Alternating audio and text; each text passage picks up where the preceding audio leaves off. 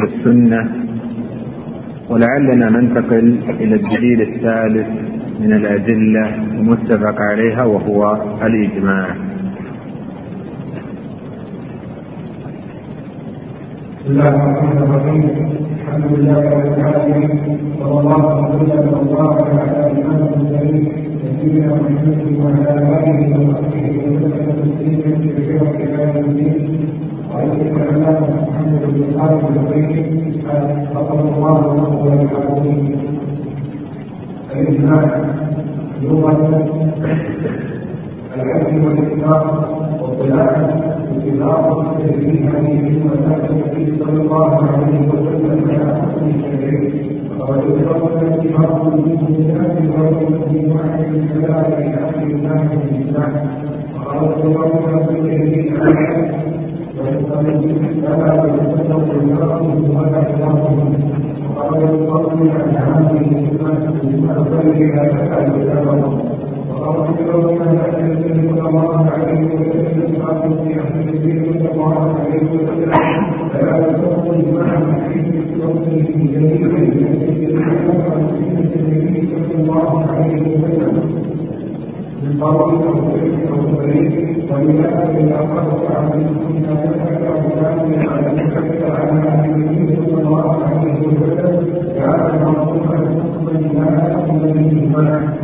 وسلم قال في بها هو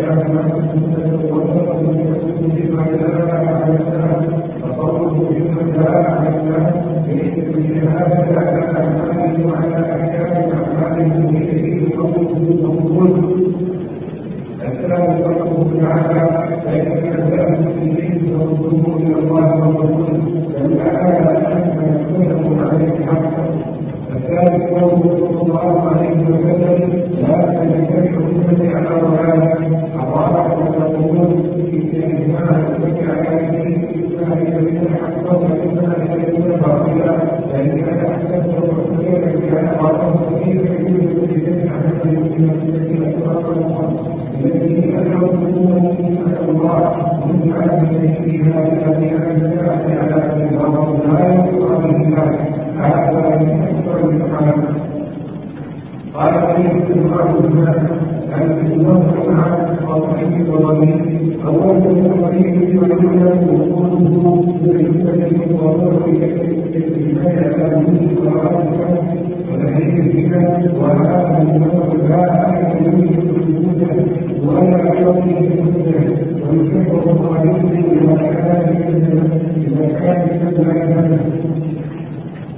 الثاني الرقيب وكان عليه الاسلام من ذلك الاستقراء وذلك الكلمة في كتاب المسلم وانه الاقوال وانه الاقوال ذلك الاسلام الكريم ان تقال رسوله وبالله الذي يضرب ما كان عليه السلام فكان القرار بذلك من ذلك والسلام والسلام وعلى أن ذلك يدل على خلاف الذي في اليه ولا يكون كريما ما كنت على حق وإذا رأيت الإنسان تظنه مخالفا لذلك أمره فإن الذين الدليل غير صحيح أو غير صحيح أو مصدوق أو من الاستحقاق في هذا كلام شروط الإسلام الإسلام يكون فيها أولا يكفي الغريب الصحيح الإسلام يكون بين السماء أو يعطيه الشفاء في الإسلام والاتباع لكن الإسلام يكون فيها فإن كان الله ذلك فأجمع لأن الخوارج يكون في انتقالها الإمام لا يكون انتقال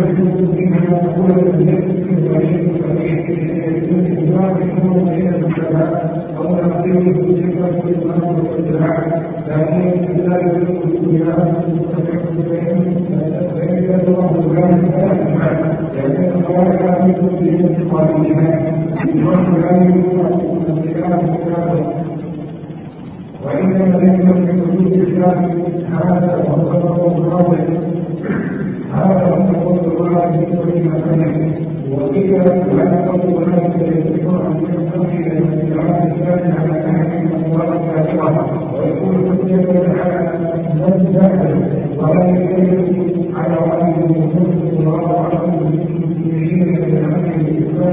من يوم الاسلام ولا يكذب فلا يجب عليكم بعد بعد بالفعل لأن الإجماع ليس في اعتبار إقرار العقل ولكن الإجماع حصل ساعة الإقرار في تبين أمره وإذا قال بعض المسلمين قوله فعل السحر وإذا قال بعض المسلمين قوله فعل واستمر هذا في حمله هذا الرجل يقوم على الصوت على الإسلام الكثير يكون إجماع الوكيل يكون حجة على مع الوكيل ليس الإجماع على حجة الوكيل إن الاستنباط هو الإجماع والإجماع لأن الاستنباط الوكيل في الاستنباط على الوكيل على الإسلام دليل على مرضاته وعلى ذكر المؤلف في هذا المبحث ما يتعلق بدليل الإجماع.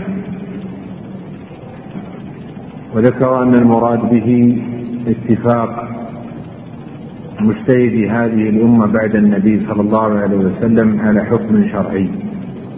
والمراد أن يكون ذلك الإجماع في عصر من العصور. وليس المراد أن تجمع الأمة من عهد النبوة إلى قيام الساعة. فإن فإن القول بأن هذه هي حقيقة الإجماع يؤدي إلى إلغاء الإجماع. لأنه لا يحتج بذلك لا يحتج بالإجماع عند ذلك إلا عند قيام الساعة. وقيام الساعة وقت للثواب والجزاء وليس وقتا للعمل. فقوله هنا اتفاق. يدل على أن الإجماع لا بد فيه من حصول الاتفاق فلا يكون هناك خلاف. فإذا حصل اختلاف فلا يكون هناك إجماع. وقوله مجتهدي المراد أهل الاجتهاد. سيأتي إن شاء الله في فصل قادم بيان حقيقة حالهم وصفاتهم وأما عامة الأمة الذين يقلدون العلماء فهؤلاء لا يحق لهم أن يتكلموا بخلاف أقوال المجتهدين في عصرهم ولا يحق لهم أن يستنبطوا حكما بحسب آرائهم واجتهاداتهم لأنهم لم يصلوا إلى درجة الاجتهاد. فللقائل منهم حكما شرعيا بذلك إنما هو من القائلين على الله بلا علم. سيكون داخلا في قوله تعالى ولا تقف ما ليس لك به علم. وعلم بذلك أن العوام والمقلدين لا يدخلون في الإجماع فلا عبرة بوفاقهم ولا بخلافه وقول هذه الأمة لأن إجماع الأمم السابقة ليس بحجة شرعية إنما الحجة في إجماع هذه الأمة. وقوله بعد النبي بإخراج اتفاق الصحابة في عهد النبوة فإنه لا يكون إجماعا إنما يكون سنة مرفوعة. وقولها على حكم شرعي لأن المراد تقرير الأحكام الشرعية لكن لو اتفقوا على أمر دنيوي مأكل أو مشرب ونحو ذلك فإنه لا يكون إجماعا. والإجماع حجة شرعية تواترت النصوص ببيان حجيته.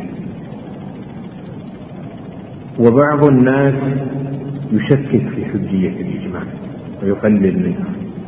يقول كيف يجتمع الناس مع تفاوت البلدان واختلافها وبعد بعضها عن بعض؟ فكيف تقرر من حجية الإجماع مع وجود هذه الأمور العويصة التي تجعل اتفاق العلماء بعيدا؟ فالجواب أن هذا كلام باطل. ووجه بطلانه من أوجه الوجه الأول أن النصوص الشرعية دلت على حجية الإجماع. وما دلت النصوص الشرعية على حجته فهو واقع لا محالة. إذ كيف تحيلنا النصوص الشرعية إلى أمر مستحيل لا يمكن وقوعه؟ الجواب الثاني بأن الإجماع قد حصل ووقع في مسائل عديدة. نجد في عصرنا الحاضر مثلا أنهم أجمعوا على استخدام الميكروفونات في نقل الصلوات وفي المساجد وأجمعوا على فرش المساجد بهذه الفرشة الجديدة وأجمعوا على بناء المساجد بهذا البلوك والإسمنت وخرسانة ونحو ذلك إلى ما لا نهاية من الإجماعات والجواب الثالث أن أهل العصر وإن لم يعلموا بإجماع علماء عصرهم لكن قد يعلم به من بعدهم فينقل عن علماء الزمان قول كل منهم ينقله شخص أو شخصان.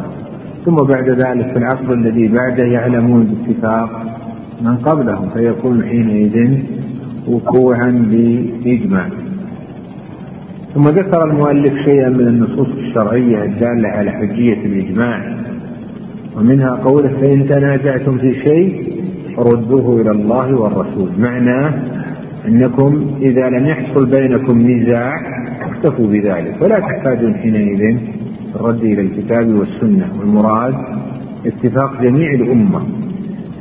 ومما يدل على حجية الإجماع قوله عز وجل ومن يشاقق الرسول من بعد ما تبين له الهدى ويتبع غير سبيل المؤمنين نوله ما تولى ونصره جهنم وساءت مصيرا وعد الله من ترك سبيل الرسول ترك سبيل المؤمنين ما يدل على أن اتباع سبيلهم واجب. والنصوص في ذلك من الكتاب أيضا متعددة. وقد ورد في السنة العديد من النصوص منها ما ورد من حديث لا تجتمع امتي على ضلاله وقد روي بأوجه متعددة يقوي بعضها بعضا. وما ثبت في الصحيحين أن النبي صلى الله عليه وسلم قال لا تزال طائفة من أمتي على الحق ظاهرين. فدل ذلك على أنه لا بد في كل عصر لا بد في كل عصر من أن يوجد قائل بالحق في هذه الأمة سواء كان قليلا أو كثيرا. ولا يمكن أن تتفق الأمة كلها على الباطل ثم استدل المؤلف باستدلال عقلي. قوله هنا أن تجمع الأمة التي هي أكرم الأمم على الله منذ عهد نبيها إلى قيام الساعة. أن هذا ليس مرادنا بالإجماع في الاصطلاح الأصولي. لأن الإجماع في الاصطلاح الأصولي ينعقد بإجماعهم واتفاقهم في عصر واحد. ولا يشترط أن يكون من حين البعثة إلى حين قيام الساعة. ثم قسم المؤلف الإجماع إلى نوعين. الأول إجماع قطعي. والإجماع القطعي على أنواع متعددة. منها الإجماع النطقي. بأن ينطق بأن ينطق جميع علماء العصر بالحكم. هذا الإجماع قطعي. أو يجمع بأقوالهم وأفعالهم. هذا الإجماع قطعي. ولا بد في الإجماع القطعي من أن ينقل يفيد الجزم والقطع. ثم ذكر المؤلف أشياء مما تعلم من الدين بالضرورة. ذكر أن الأمة أجمعت عليها. قال وهذا النوع لا أحد ينكر ثبوته. ولا أحد ينكر كونه حجة. وحينئذ قال المؤلف فمن ينكره حكم عليه بالكفر. وفي الحقيقة أن المسائل القطعية الإجماعية على نوعين مسائل خفية ظاهرة هذه لا تجهل وبالتالي يحكم على منكرها بمثل هذا الحكم على وفق الدليل الشرعي. وأما النوع الثاني فهو المسائل التي المسائل الخفية. الإجماع فيها خفي فإنه حينئذ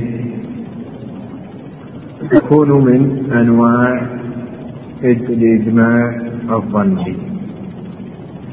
ومن أمثلة المسائل التي حصل فيها الإجماع قطعا لكنها تخفى على كثير من الأمة أن بنت الإبن تأخذ السدس مع البنت. إذا توفي عن بنت وبنت ابن البنت تأخذ النصف وبنت الابن تأخذ السدس والبقية للأخ. فأخذ بنت الابن للسدس هذا محل إجماع. وهو قطعي. وقوع الإجماع عليه في أسانيد متواترة وليس فيه خلاف. ولكن هذا الإجماع خفي لا يعلمه إلا أحد الناس. لذلك لا يحكم على مخالفة مثل هذا الحكم مثل ما لو كان الحكم ثابتا بواسطة دليل قرآني إن كان خفيا على الإنسان وجحده لم يحكم عليه بمثل هذا الحكم إذا توف إذا طلق الرجل الزوجة قبل الدخول بها كم تعتد من حيضة؟ كم؟ كم؟ أيوه. ما تعتد. لكن بعض الناس قد يخفى عليه ويظن أنها تعتد ثلاث حيض. فهذه مسألة فيها دليل نصي من الكتاب ولكن هذا الدليل النصي قد يخفى على بعض الناس. وحينئذ من أنكر هذا الحكم لخفاء الدليل عليه لم يحكم عليه بمثل هذا الحكم. وإنما يحكم عليه بالخطأ أنه قد أخطأ. قال النوع الثاني الظني والظني على أنواع. منها ما نقل بطريق الآحاد. ومنها ما إذا كان أهل الإجماع قد قل عددهم. ومنها أن يكون الإجماع ليس نطقيا وإنما هو سكوتي عند طائفة من أهل العلم.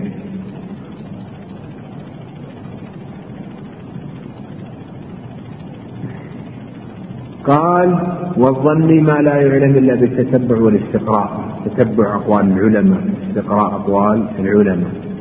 هل يمكن أن يوجد أو لا يمكن أن يوجد؟ كأن الشيخ ذكر فيها نوع خلاف والخلاف فيها قليل نادر. والنصوص الشرعية تدل على حديه هذا النوع من الإجماع. حتى بعد عصر الصحابة وقع الإجماع في مسائل عديده وفي عصرنا مثلا وقع الإجماع على مسائل عديدة متعددة. يجوز ركوب السيارة ولا ما يجوز؟ استعمال النقال؟ هذا بالإجماع ما في أحد يخالف فالإجماع مصدر خاص من مصادر الأحكام الشرعية. هل يمكن أن يكون في المسألة دليل ثم تجمع الأمة على خلافه؟ حكي عدد من المسائل أن فيها دليلا وأنه قد حصل إجماع على خلاف ذلك الدليل. من أمثلة ذلك ما ورد في الحديث الصحيح عن النبي صلى الله عليه وسلم قال إذا شرب الخمر فاجلدوه إلى أن قال في الرابع فاقتلوه قالوا والإجماع على خلاف هذا حينئذ إما أن يقال هذا الدليل منسوخ يكون ناسخه دليل آخر سواء وصل إلينا أو لم يصل. وفي حديث النعيمان أنه كان قد أوتي به للنبي صلى الله عليه وسلم فجلد مرارا ولم يقتله وقيل له ما أكثر ما يؤتى بك إلى رسول الله صلى الله عليه وسلم. هذا دليل استند إليه الإجماع لأن شارب الخمر في الرابعة والخامسة لا يقتل. ذهب شيخ الإسلام ابن تيمية وجماعة إلى أنه إلى أن الحكم المذكور في الحديث على جهة التعزير وليس المراد به الحكم على جهة الحد والحسب فحينئذ إذا وردنا في مسألة إجماع ورد فيها نص فلا يخلو. إما أن يكون الإجماع ليس بصحيح بحيث يكون الحاكي لذلك الإجماع لم يتأكد ولم يتوثق من المسألة أو يكون ذلك الدليل منسوخ أو مؤول أو نحو ذلك. والإجماع يشترط له أن يكون ثابتا بطريق صحيح فإن لم يثبت الإجماع فإنه حينئذ لا يصح الاستدلال بأقوال بعض الناس. ولا يكون إجماعا. مثال ذلك أن يأتي عالم معروف عنده قدرة على استيعاب أقوال الناس فيحكي إجماع في عصر من العصور. حينئذ يكون الإجماع صحيحا لكن لو نقله واحد ممن لا يوثق في نقله إما لعدم عدالته أو لعدم معرفته باستيعاب أقوال العلماء فإنه حينئذ لا يصح الرجوع إلى مثل ذلك. واشترط المؤلف شرطا ثانيا وهو أن لا يكون ذلك الإجماع مسبوقا بخلاف سابق. فلو قال الصحابة بقولين ثم أجمع من بعدهم على قول هل يعد ذلك إجماعا؟ أو لا يعد إجماعا؟ قال المؤلف بأنه لا يعد إجماعا. لأن الأقوال لا تموت بموت لا تبطل بموت قائليها. والقول الثاني بأنه يعد إجماعا لأن النصوص الشرعية السابقة تشمل هذا النوع من أنواع الإجماع. ومنها قوله لا تزال طائفة من أمتي على الحق. فدل ذلك على أنه لابد في كل عصر من وجود قائد يقول بالحق. المسألة الثانية التي ذكرها المؤلف هنا مسألة انقراض العصر هل يشترط في في صحة الإجماع انقراض العصر بحيث يموت جميع المجتهدين الذين اجتهدوا في هذه المسألة الإجماعية؟ مثال ذلك عرضت علينا مسألة. فاتفق العلماء وأجمعوا على حكم فيها. هل يجوز لهؤلاء المجمعين أن يرجعوا من الغد ومن بعد الغد ومن بعد أسبوع وشهر وسنة؟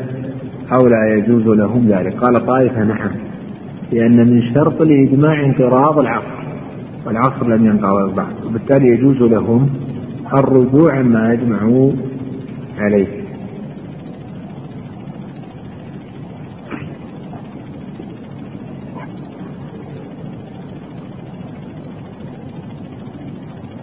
فعلى هذا القول يكون انقراض العصر شرطا في الإجماع.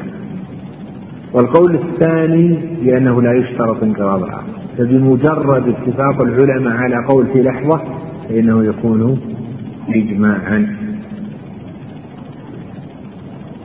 ولعل هذا القول أظهر لأن النصوص لم تدل على اشتراط انقراض العصر. المسألة الثالثة أقسام الإجماع. الإجماع قد يكون قوليا يسمى نطقيا أو إجماع صريح يعني يتكلم جميع المجتهدين بالحكم في المسألة فيكون قولهم واحدا. النوع الثاني الإجماع الفعلي. بأن يعني يفعل جميع المجتهدين فعلا. فيدل على تسويغه عدم إنكاره. النوع الثالث ما اجتمع فيه القول والفعل فقال البعض وفعل الآخر. هذا أيضا حجة. النوع الرابع الإجماع السكوتي وهو أن يتكلم البعض ويسكت الآخرون أو يفعل البعض ويسكت الآخرون فهل الإجماع السكوتي حجة أو ليس بحجة؟ قال المؤلف فيه أقوال. القول الأول أنه يكون إجماعا فيجب العمل به. وهذا القول هو الأظهر. بقول النبي صلى الله عليه وسلم لا تزال طائفة من أمتي على الحق منصورين طاهرين لا يضرهم من خذلهم. حينئذ لو كان قول الحق غير قول هؤلاء الطائفة لوجب أن يكون في الأمة من يظهر قول الحق ويبرزه ويعليه. والقول الثاني بأنه لا يكون حجة ولا إجماعا قالوا لأنه يحتمل أن يكون السكوت لغرض آخر غير غرض الموافقة. بأن يكون خائفا من المتكلم أو يكون هناك عذر من الأعذار التي يتكلم بها. في الحكم كالإكراه ونحوه. ومن الأقوال أن الإجماع السكوتي يشترط فيه انقراض العقل خلاف غيره من أنواع الاجتهاد. قال المؤلف وهذا أقرب الأقوال ولا أظهر حجية الإجماع السكوتي مطلقا لأنه لابد أن يوجد في الأمة من يقول بالحق ويظهره. بقول لا تزال طائفة من أمتي على الحق منصورين لا يضرهم من خذلهم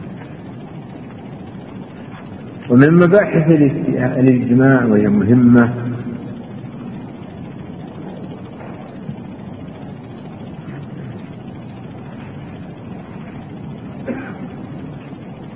مسألة إحداث القول الجديد. فلو اختلفت الأمة على قولين فإن هذا إجماع على عدم جواز القول بقول آخر غير هذين القولين.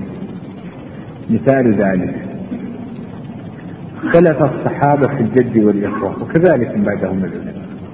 فقال طائفة الجد يشارك الإخوة. وقال طائفة الجد يحجب الإخوة. لو جاءنا آثم فأفتى بأن الإخوة هم الذين يحجبون الجد فنقول هذه المسألة قد حصل فيها قولان ليس قولك منهما. وبالتالي لا يجوز لنا إحداث قول جديد.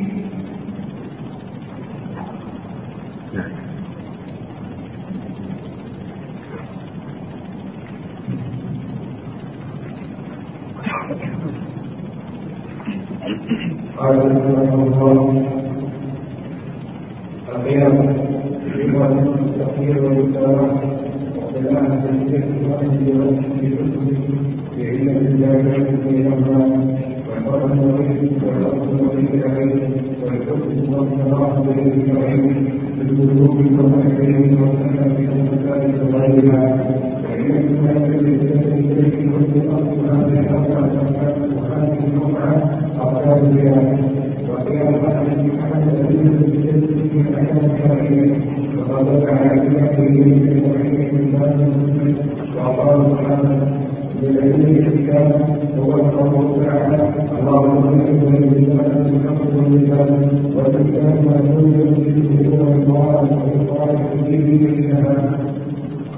القول تعالى الله قوله كما قال لك أولا عن تكفيره وقوله اللهم إنك أرسل بأحد من يتحمل في الأبد فإقرار على نفسه فإن إن الله أبدتها من هذا شكر الله تعالى على تحمله بأحد الاستحياء الأموات لرعاية سبحانه وتعالى من أجل السنة قوله صلى الله عليه وسلم إن كان منها بعد الصيام أرأيت يوم هذا أحد إليه به أتاني الأنبياء كما قال ذلك قال أم علمي لا يقول لا يتكلم النبي صلى الله عليه وسلم فقال يا رسول الله ولا تدري ولد ولد فقال قال قال قال قال هل فيه من الصبر قال نعم قال فمثل قال احدث بالله قال يا علم من هذا من العبود فأكثر من الله بما فيها من اتباع فيه وغيره وقد سبحانه وتعالى الذين كفروا وقالوا الله سبحانه وتعالى في كتاب الله من قال تعالى والإسلام أن تحمل بما أنعم عليك بما الله عليك بما يدرك القلب والأسماء ثم قال صلى الله عليه وسلم وما أن الله تعالى الله من قال المسلم وهذا كان النبي صلى الله عليه وسلم يقول وعن الذين وهذا أن الصحابة لا يجب على أن يستمر حقه فضل الحق حق ومن الله فضيلة وسأل الله من فضله في الأحكام قال الشيخ منها أن كان يقال بجميع الأموال لا اعتبار ولكن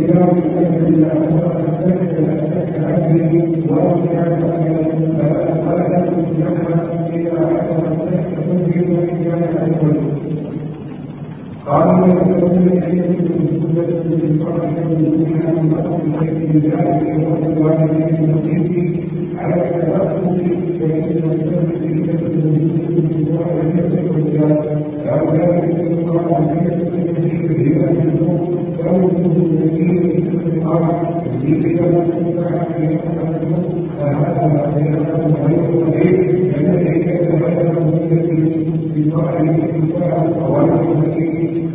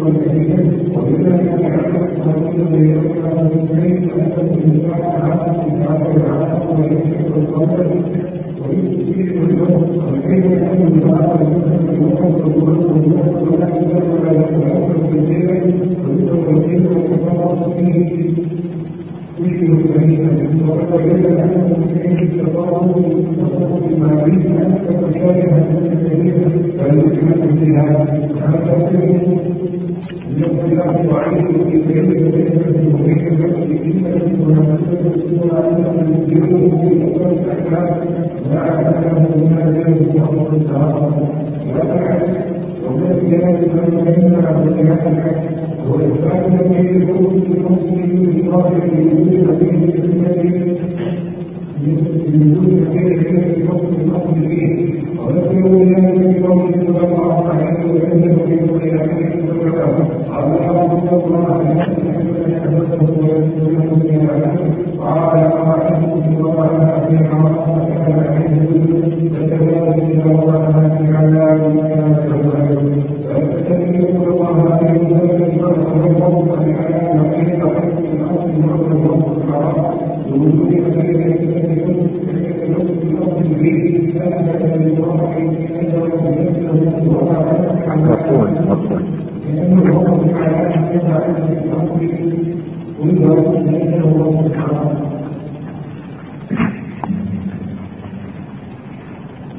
المبحث مبحث القياس يعول عليه أكثر الأصوليين ويذكرون أنه من أهم المباحث وفيه من التفصيلات ما لا يوجد في غيره من المباحث وفيه من المصطلحات الجديدة التي لم تمر على كثير من عوام الأمة الشيء الكثير.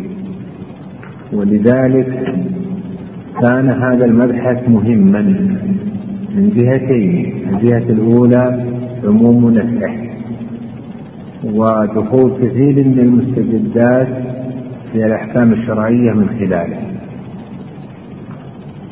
والأهمية الثانية من جهة أن كثيرا من المصطلحات الواردة فيه يجدها الإنسان في المباحث والكتابات الأخرى سواء في كتب الحديث والتفسير والفقه وغير ذلك.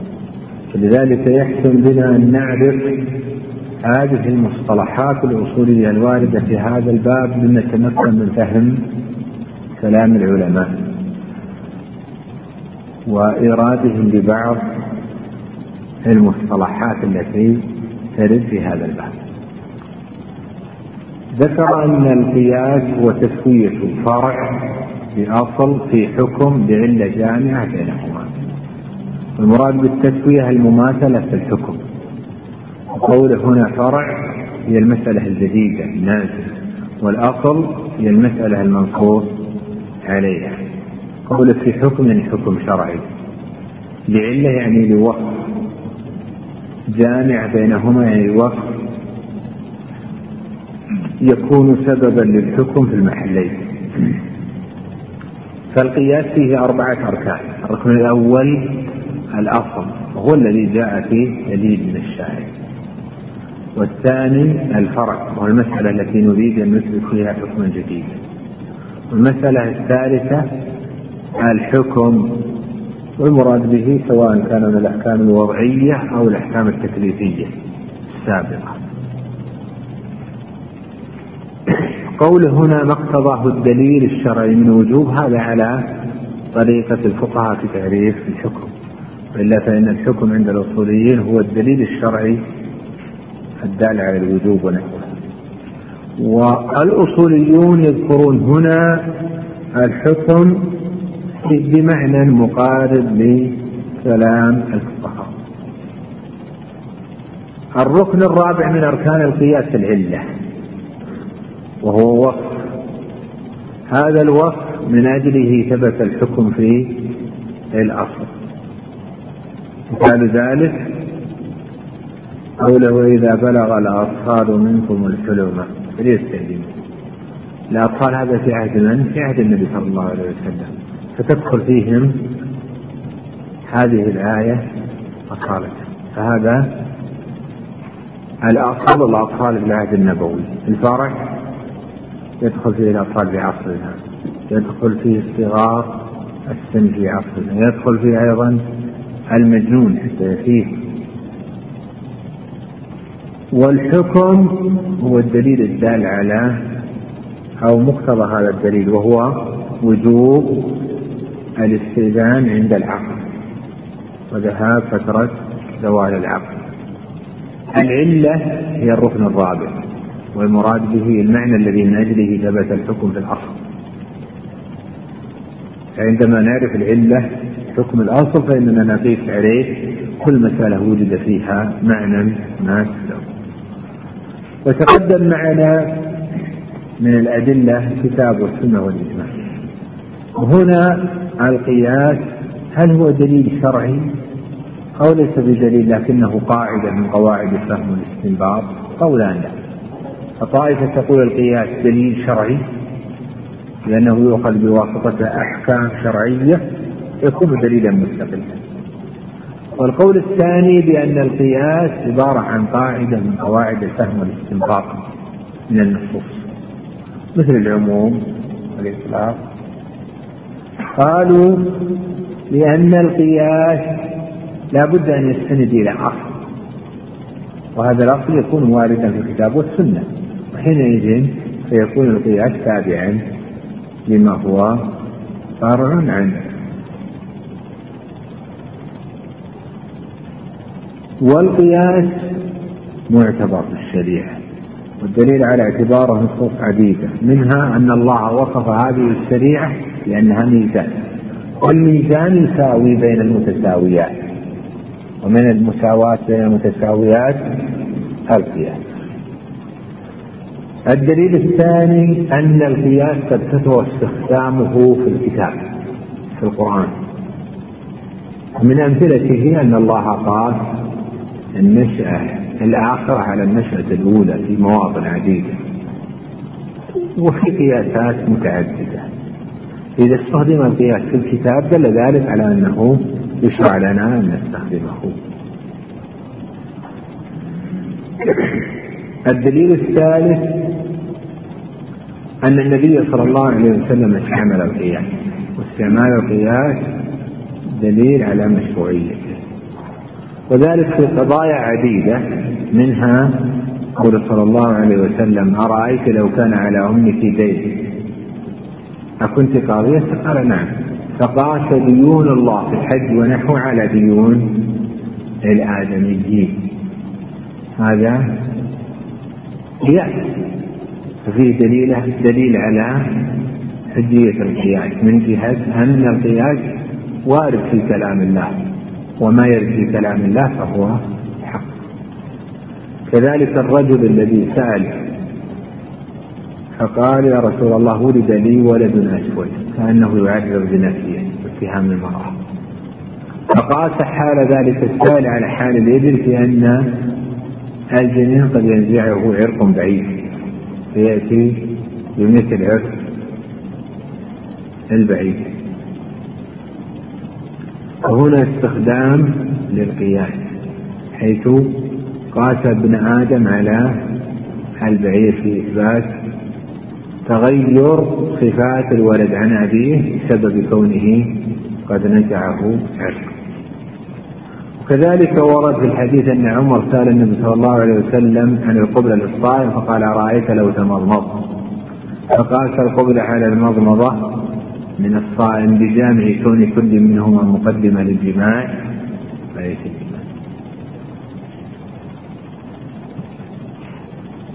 والأمثلة في ذلك كثيرة. الدليل الثالث الرابع إجماع الصحابة. ما يصح أن نستدل بحادثة واحدة من عمل الصحابة لأن حينئذ لا يكون بإجماع. فإن الصحابة أجمعوا على استخدام القياس. كل منهم يقيس بما يراه. ولذلك قال عمر قس الأمور اعرف الأمثال وقايس الأمور واعرف الأشباه والنظائر. في حوادث كثيرة استخدم الصحابة فيها. القياس فلم يوجد موجود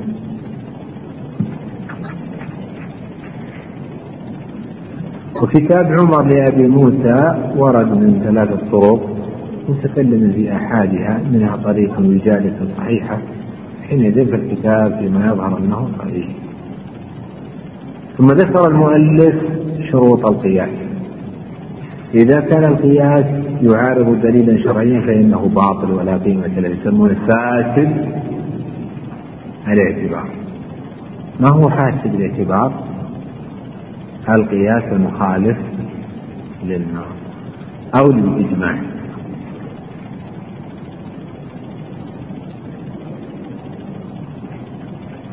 الشرط الثاني ثبوت حكم الأصل. فإذا لم يكن حكم الأصل ثابتا فلا يصح أن تبني عليه حكم الفرع لأن الباطل لا يصح أن يبنى عليه وما بني على باطل فهو باطل. وثبوت الأصل إما أن يكون بآية من الكتاب. مثاله قوله يا أيها الذين آمنوا إنما الخمر والميسر والأنصاب والأزلام رجس من عمل الشيطان فاجتنبوه دل على تحريم الخمر. فنقيس على الخمر النبي. فالأصل هنا ثابت بالكتاب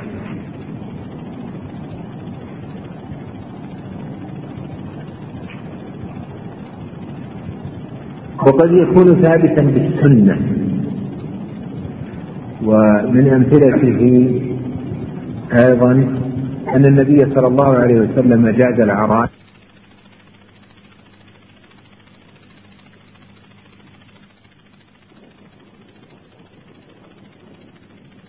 إجماع.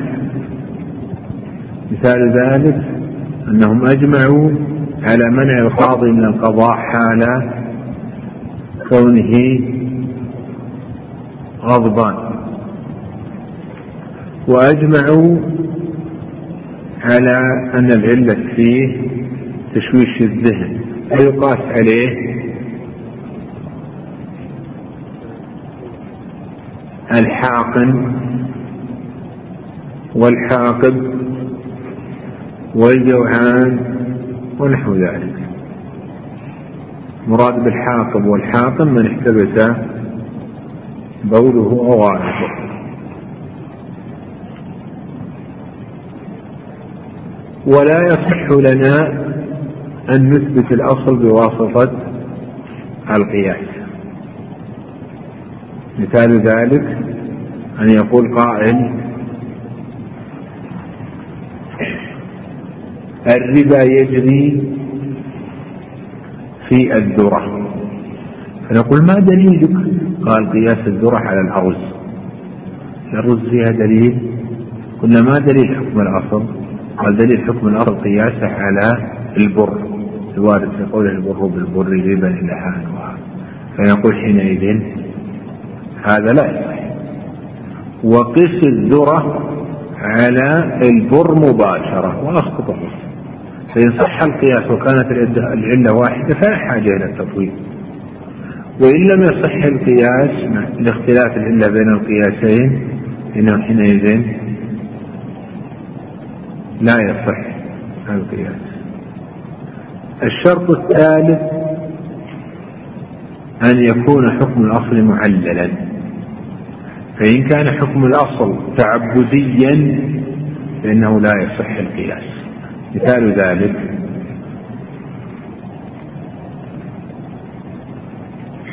من الأحكام التي لم نعرف العلة فيها انتقاض الوضوء بأكل لحم الجزور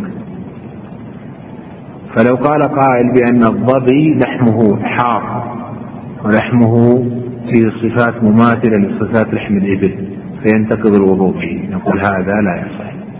لأنه لأن حكم الأصل تعبدي بالتالي لا يصح يقاس عليه.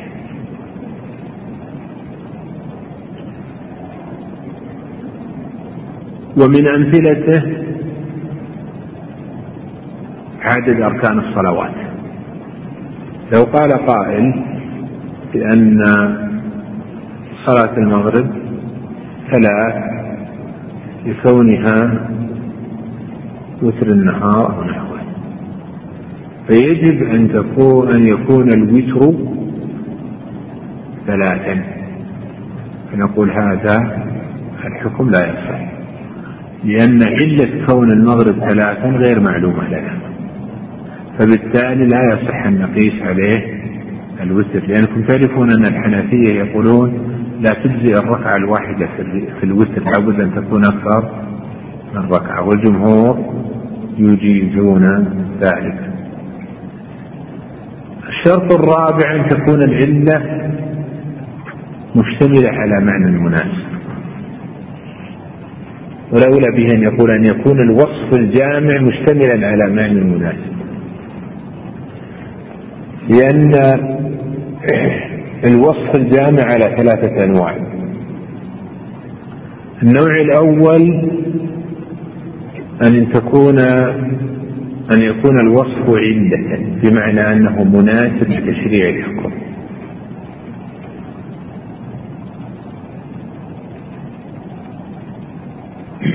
مثال ذلك أن يأتينا بمثال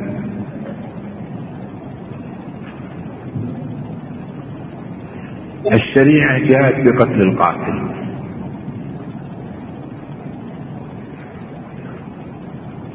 ما الحكم ووجوب القصاص.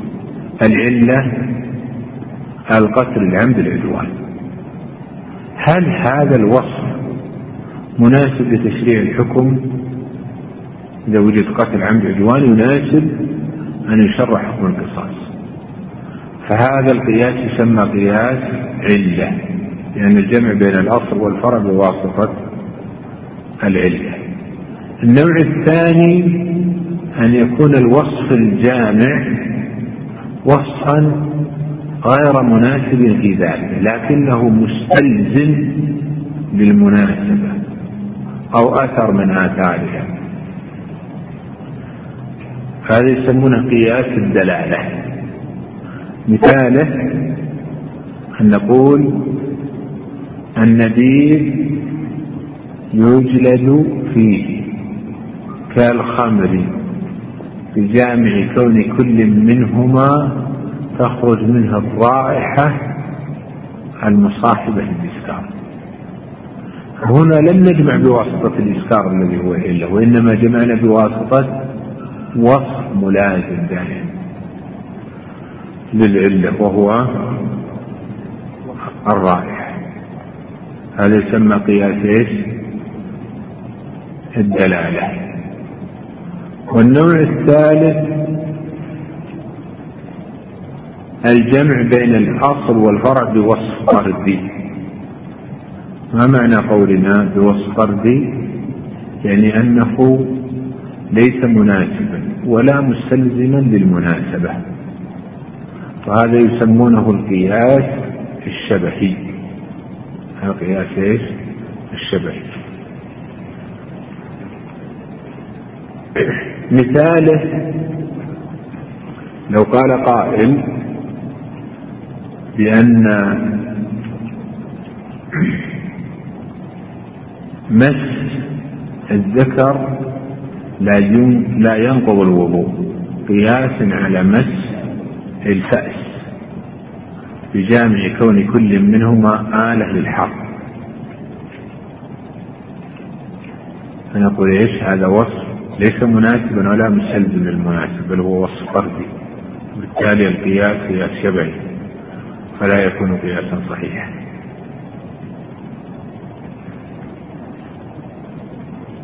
وبعضهم يقول مس عضو من البدن مشقوق الطرف فلا ينقض الوضوء كذلك. أو نجيب مثال آخر. تعرفون أن العلماء اختلفوا في الخل هل يتوضأ به أو لا يتوضأ. فالجمهور يقولون لا يتوضأ والحنفية يقولون يتوضأ به.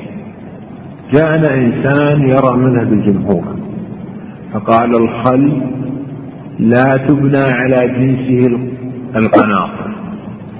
ولا تجري السفن فيه فلا يصح الوضوء به قياسا على الدهن. فنقول كونه لا تجري فيه السفن ولا تبنى عليه القناطر هذا ما له علاقة بالحكم. ليس مناسبا لتشريع الحكم ووجوب الوضوء الشرط الخامس وجود العلة في الأصل والفرع.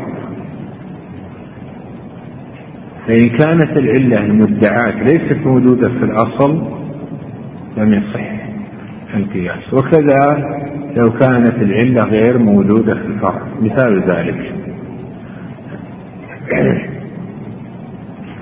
لو قال قائل بأن البر بأن الملح يجري فيه الربا. فأقيس عليه الأرز بجامع كون كل منهما قوتا نقول هذا خطأ لأن الملح ليس قوتا فالعلة لم توجد في الأصل ولو قال قائل بأن العلة في البر هي الطعم. فنقيس عليه الحديد فيجري الربا في الحديد.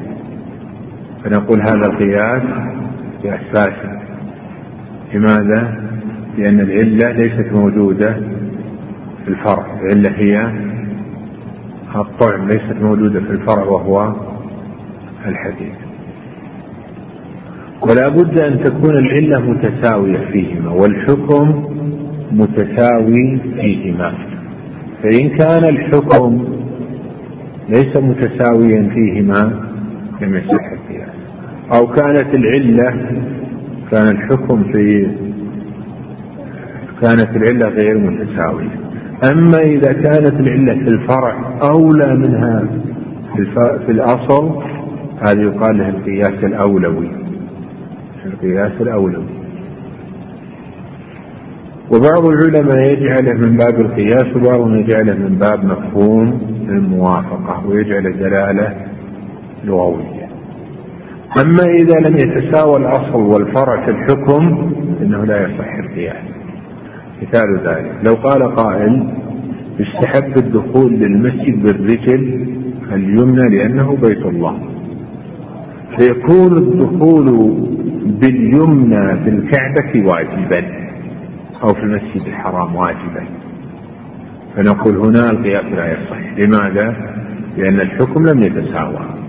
الحكم في الأصل وهو المسجد استحباب والحكم في الفرع وهو المسجد الحرام وجوب هو يقول بالوجوب فلا يكون القياس صحيحا.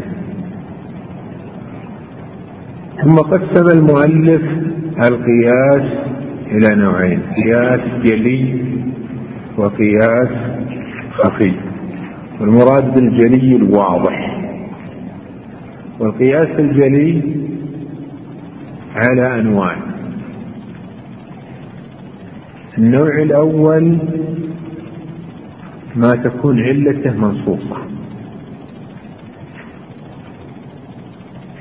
فالقياس الذي ثبتت علته بالنص يجعلونه قياسا جليا واضحا.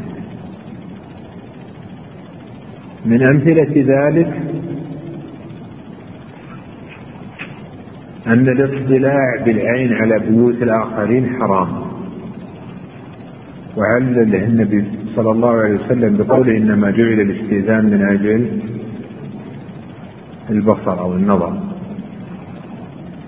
فنقيس على ذلك الاطلاع على بيوت الآخرين بواسطة آلات المراقبة الحديثة.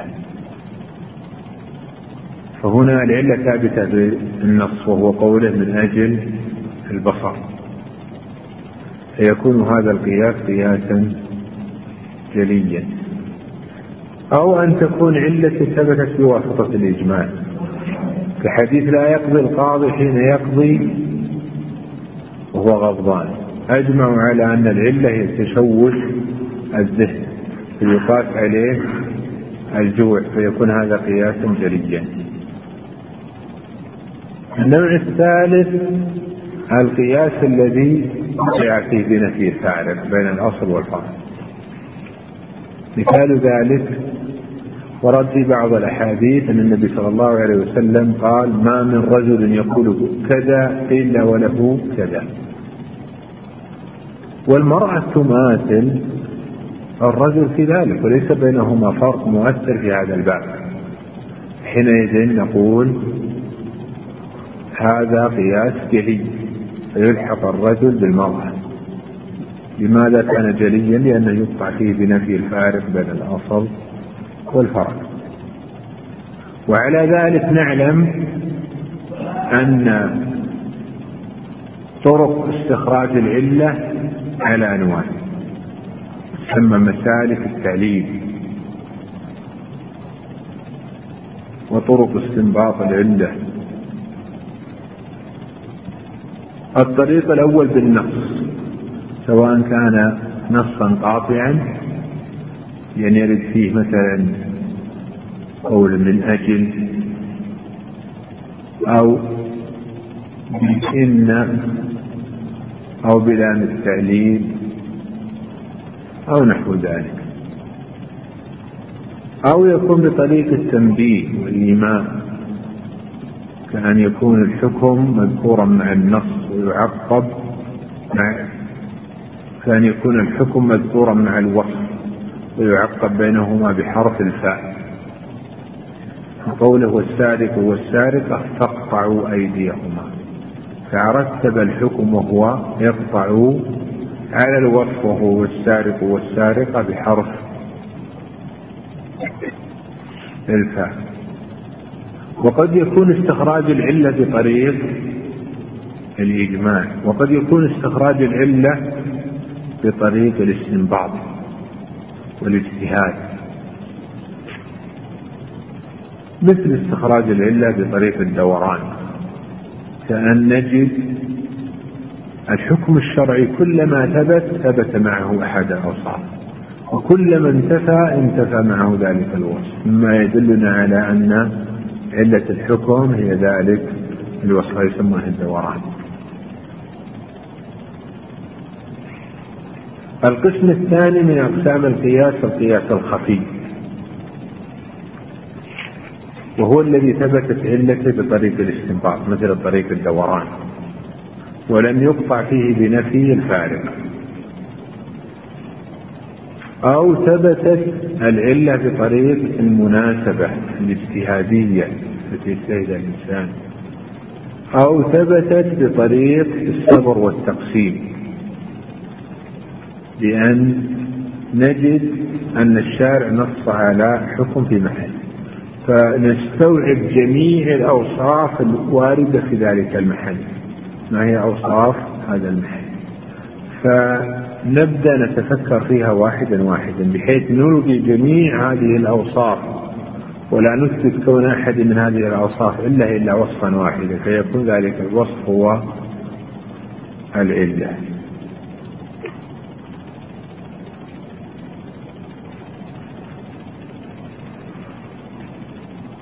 قال المؤلف قياس الشبه. كلمة قياس الشبه تطلق يراد بها معاني. كلمة الشبه عند الأصوليين تطلق ويراد بها معاني. المعنى الأول الشبه في الصورة. وهذا لا يعول عليه في الحكم. الثاني الوصف الثاني القياس الشبهي هو الجمع بين الأصل والفرع بأوصاف طردية لا مدخل لها في الحكم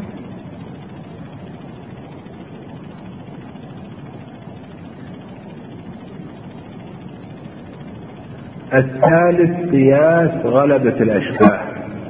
أو قياس الأشباه هو الذي سماه المؤلف هنا قياس الشبه. هو أن يتردد فرع بين أصلين. ويشبه أحد الأصلين في أكثر الأحكام. فنلحقه بذلك الأصل الذي كثر شبهه به. مثال ذلك. الحمار والخيل يتردد بينهما البقر. البغل يشبه الحمار في بعض الأحكام ويشبه الخيل في بعض الأحكام.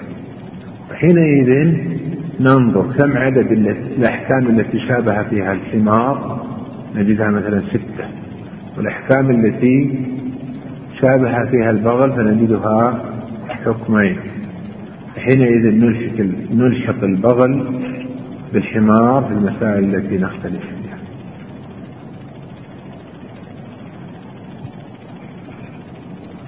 وهذا القياس مختلف فيه. والأظهر أنه إذا كانت المعاني التي حصل الشبه فيها مؤثرة في الحكم فإن القياس صحيح.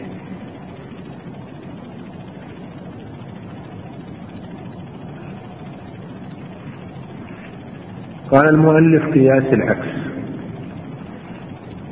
والمراد بقياس العكس أن يكون هناك حكم ثابت في محل بعلة معينة. ثم نجد مكانا آخر ينافيه في العلة ويضاد في العلة.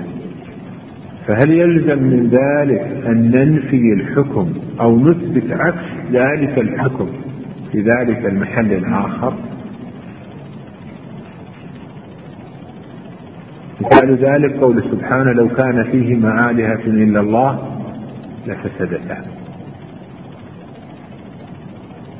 فيؤخذ منه أنهما لم تفسدا فالإله واحد. الحكم في الأول لفسدتا المعنى فيه تعدد الآلهة. فنقيضه أن نثبت حكم تعدد الآلهة لعدم فساد الخبز ومثل له المؤلف في حديث وفي بضع أحدكم صدقة فإنه قال أرأيتم إذا وضعها في حرام؟ كان عليه وزر الحكم عليه وزر العلة وضعها في حرام. ضد هذا الحكم أن يضعها في حلال فنثبت له ضد هذا الحكم. ضد هذا الوصف أن يضعها في حرام فنثبت له ضد هذا الحكم وهو أنه يكون له إذا إذا وضعها في حرام كان عليه وزر. العلة فيه وضعها في الحرام. الحكم عليه وزر. نقيض هذا المحل أنه إذا وضعها في حلال كان له أجر. وقياس العكس حجة عند جماهير العلماء ويقابله قياس الطرد وهو أن يكون الأصل والفرع متساويين في العدة. نعم.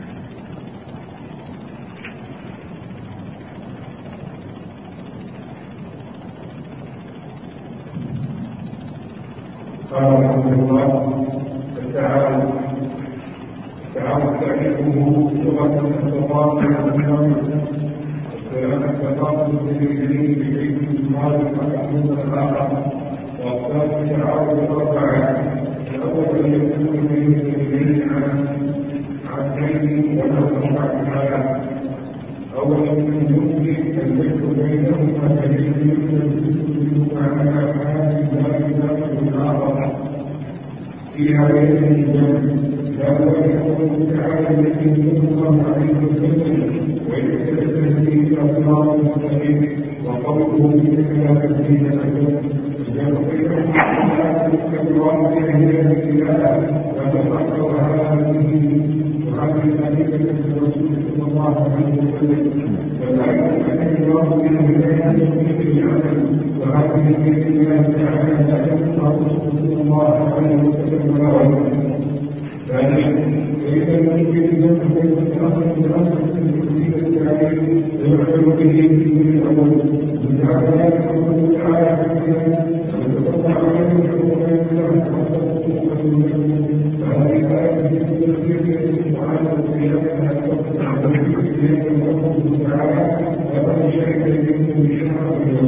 ومن كان من الرحمن فيحكم بكلام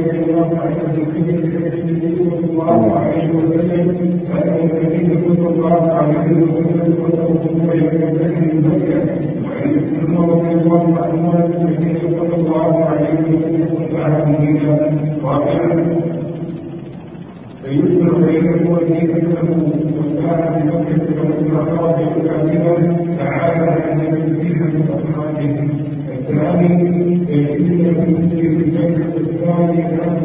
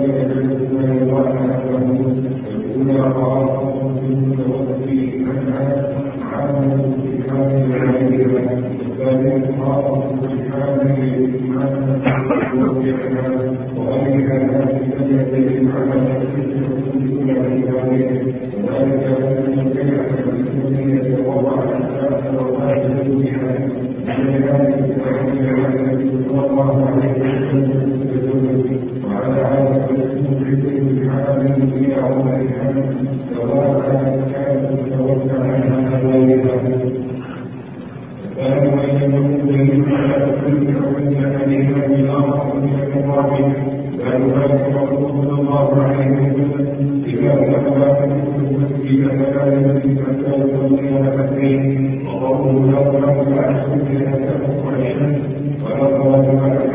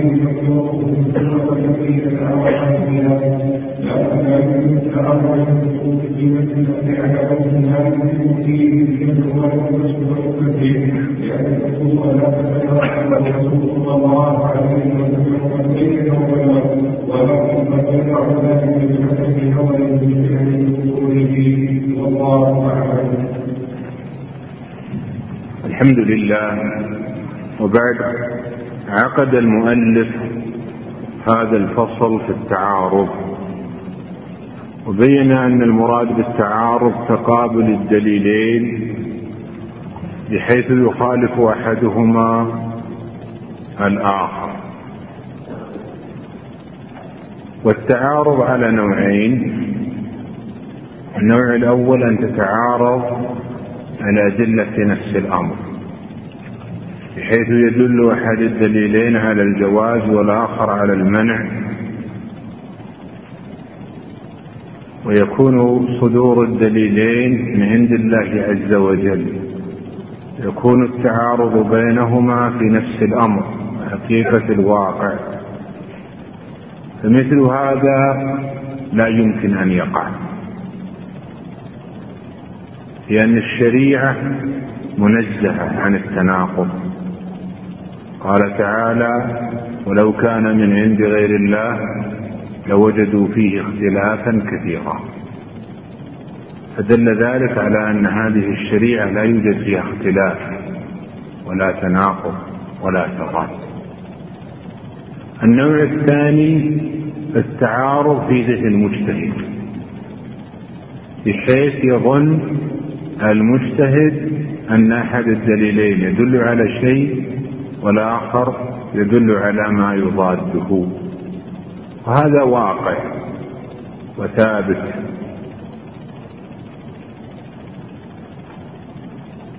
والتعارض يشترط له شروط. إذا انتفى أحد هذه الشروط لم يكن هناك تعارض. الشرط الأول صحة الدليلين. فإن كان أحد الدليلين ضعيفا فإنه لا يقاوم الدليل الصحيح ولا يعتبر به ولا يقال هنا تعارض. الشرط الثاني اتحادهما في المحل. فلو كان أحد الدليلين متعلقا بمحل وكان الآخر متعلقا بمحل آخر فإنه لا يكون هناك تعارض. مثال ذلك أن تأتي الشريعة في وجوب الحج على المستطيع وعدم وجوب الحج على غير المستطيع. وهنا لا تعارض لأن كل واحد من الحكمين ورد في محل آخر غير محل الحكم الآخر. الشرط الثالث الاتحاد في الزمان. فلا يكون هناك تعارض إلا إذا كان الدليلان متعارض متحدين في الزمان يردان على زمان واحد. فلو كان أحد الدليلين يدل على زمان والآخر يدل على زمان آخر لم يكن هناك تعارض. مثال ذلك أن الشريعة جاءت بالأمر بالصوم للمرأة الطاهرة وجاءت بالأمر بترك الصوم والإفطار للمرأة الحائض. فهنا لم يتحد الزمان هنا حال اتصاف بوصف وهنا حال اتصاف بوصف. جاءنا دليل يمنع من صلاة النافلة بعد الفجر.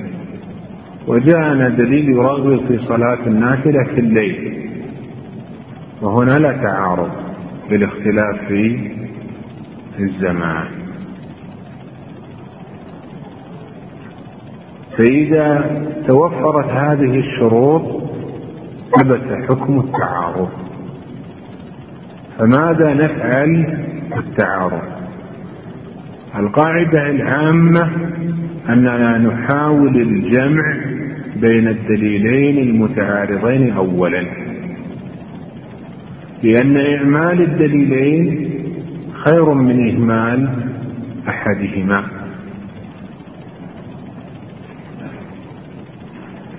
وللجمع بين الأدلة المتعارضة طرق. منها تقييد المطلق. مثال ذلك أن بعض النصوص جاءت بأن من يكفر بالإسلام فإنه يحبط عمله. كما في سورة المائدة. ثم جاء في نصوص أخرى أن حبوط العمل لا يكون بالردة فقط بل بالردة وبالموت عليها. الآية الأولى من يكفر بالإيمان فقد حبط عمله. ليس فيها تقييد بالموت. والآية الثانية من يرتد منكم عن دينه فيمت وهو كافر. فأولئك حبطت أعمالهم. فنحمل المطلق الأول على المقيد الثاني. فنقول يشترط في حبوط العمل بالردة الموت على ذلك. ومن أمثلته التخصيص. مثال ذلك قول النبي صلى الله عليه وسلم فيما سقت السماء العشر وقوله لا زكاة فيما دون خمسة أوسق. فنقول الأول عام والثاني مخصص له فيما دون خمسة أوسق. فنعمل بالخاص في محل الخصوص وهو ما دون خمسة أوسق. وبقية الأفراد وهو ما كان أكثر من خمسة أوسق نعمل بالنص العام فيها. ومن أمثلة الجمع بين النصوص المتعارضة حمل الأدلة على محال مختلفة. نحمل أحد الدليلين على محل ونحمل الدليل الآخر على محل آخر. ومن أمثلة الجمع أيضا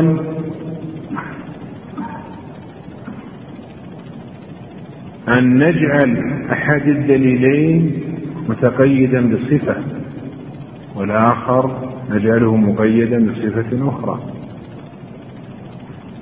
وهنا مثال وإن كان فيه نوع ضعف وهو أنه في بعض الأحاديث ورد النهي عن قبلة الصاحب وفي بعضها ورد إباحة القبلة. فقال بعض العلماء نحمل أحاديث المنع على من على الشاب وأحاديث الإباحة على كبير السن. من أمثلته ما ورد في النصوص من النهي عن استقبال الكعبة ببول أو غائط كما في حديث أبي سعيد وجماعة. وفي حديث ابن عمر وغيرها أن النبي صلى الله عليه وسلم بال مستقبلا أو مستدبرا للكعبة. فجمع بينهما لأن أحاديث المنع تكون في الفضاء وأحاديث الإباحة تكون في البنيان. فإذا لم نتمكن من الجمع نظرنا في التاريخ.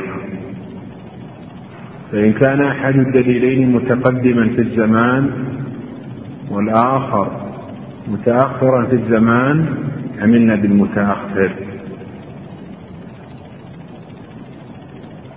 لأن الغالب أن يكون ناسخا للمتقدم.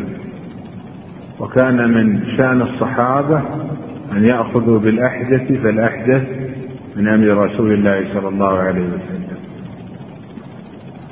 فإن لم يمكن معرفة التاريخ انتقلنا إلى الترجيح. إلى الأدلة. والترجيح له طرق متعددة. فمن أمثلة الترجيح أن نرجح بحسب الإسناد. إذا كان أحد الدليلين ورد بطرق متعددة والآخر ليس كذلك رجحنا ما ورد بطرق متعددة. ومن أمثلة ذلك أنه ورد في حديث ابن مسعود أن النبي صلى الله عليه وسلم كان يرفع يديه عند تكبيرة الإحرام ثم لا يعود. وورد في حديث ابن عمر وأبي هريرة وحديث ابن عباس وأبي بكر وعمر وعثمان وعلي أن النبي صلى الله عليه وسلم كان يرفع يديه عند الركوع وعند الرفع منه. فذاك حديث واحد وهذه أحاديث متعددة. فنرجح الروايات التي تعددت. ونقول باستحباب رفع اليدين عند الركوع وعند الرفع منه. ومن أمثلة ذلك أن نرجح بحسب صفات صفات الرواة. فنرجح رواية الأضبط رواية الأعلم رواية الأئمة المشهورين بالحديث ورواية من كان ملازما لشيخه على رواية من سواه. وقد يكون الترجيح بحسب الإسناد. من جهة الاتصال وعدمه من جهة الاتفاق على الاحتجاج به وعدمه.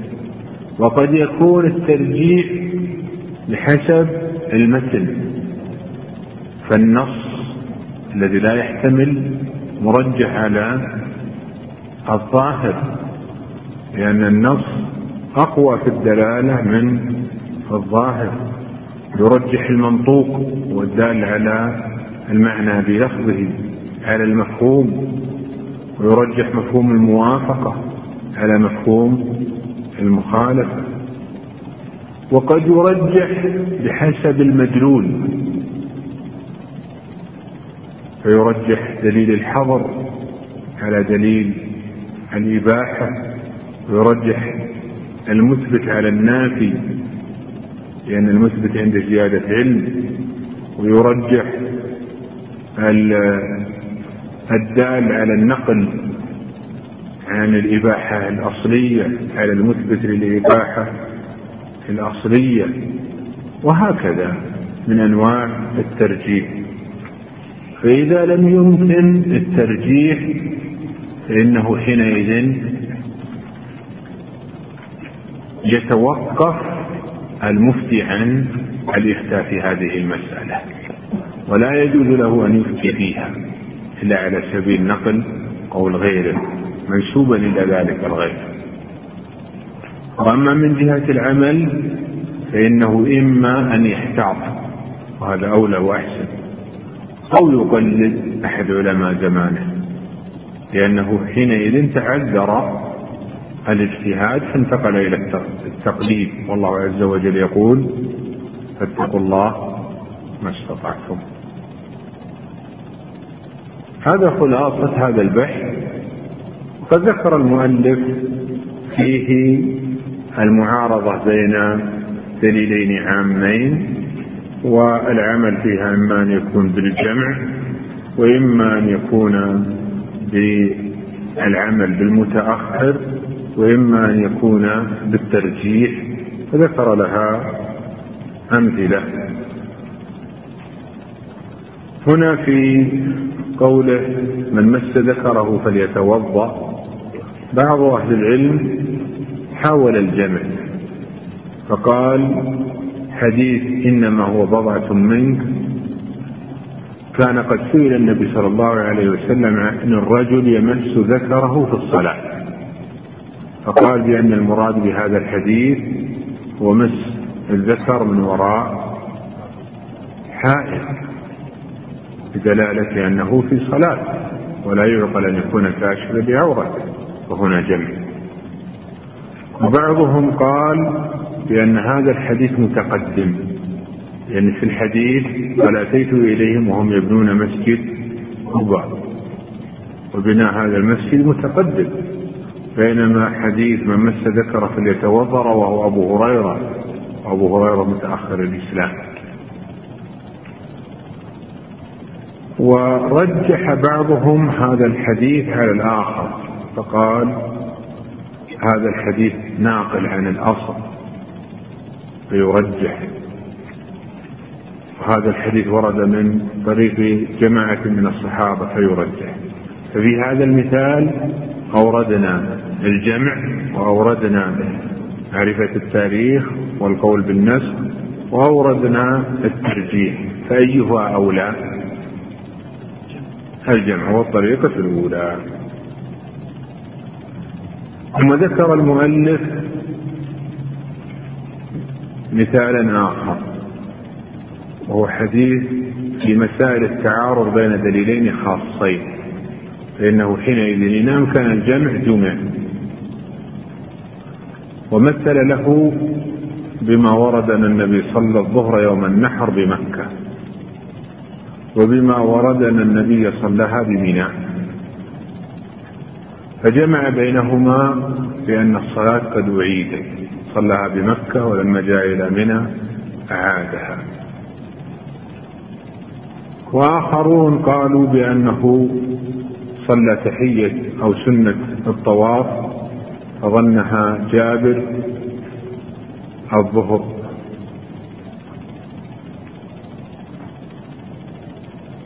والجمع أولى من قضية الترجيح فيقدم الجمع. فإن لم يمكن الجمع انتقلنا إلى العمل بالمتأخر باحتمال أن يكون ناسخا. فإن لم يمكن معرفة التاريخ انتقلنا إلى الترجيح. ومثل لها بحديث ميمونة أن النبي صلى الله عليه وسلم تزوجها وهي حلال. حديث أبي رافع أن النبي صلى الله عليه وسلم تزوج ميمونة وهما حلالان. فقدمت هذه الأحاديث على حديث ابن عباس أنه تزوجها وهو محرم. لأن ميمونة صاحبة الواقع وهي أعلم. وأبو رافع هو الواسطة بينهما.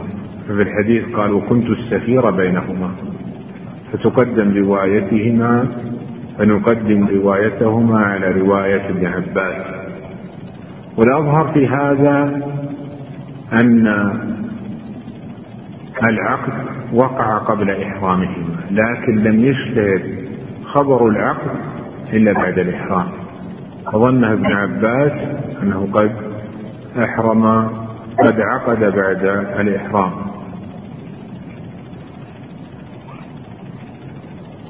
وأما إذا تعارض عام وخاص فطريقة الجمع حينئذ هي المتعينة. وهنا مسألة ما إذا تعارض عامان كل منهما عام من وجه خاص من وجه آخر. فما هو العمل؟ ومثال ذلك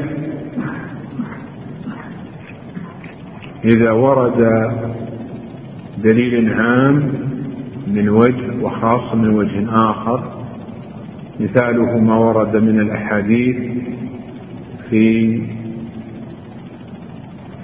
النهي عن الصلاة في أوقات النهي. ثم ورد في أحاديث الأمر بتحية المسجد.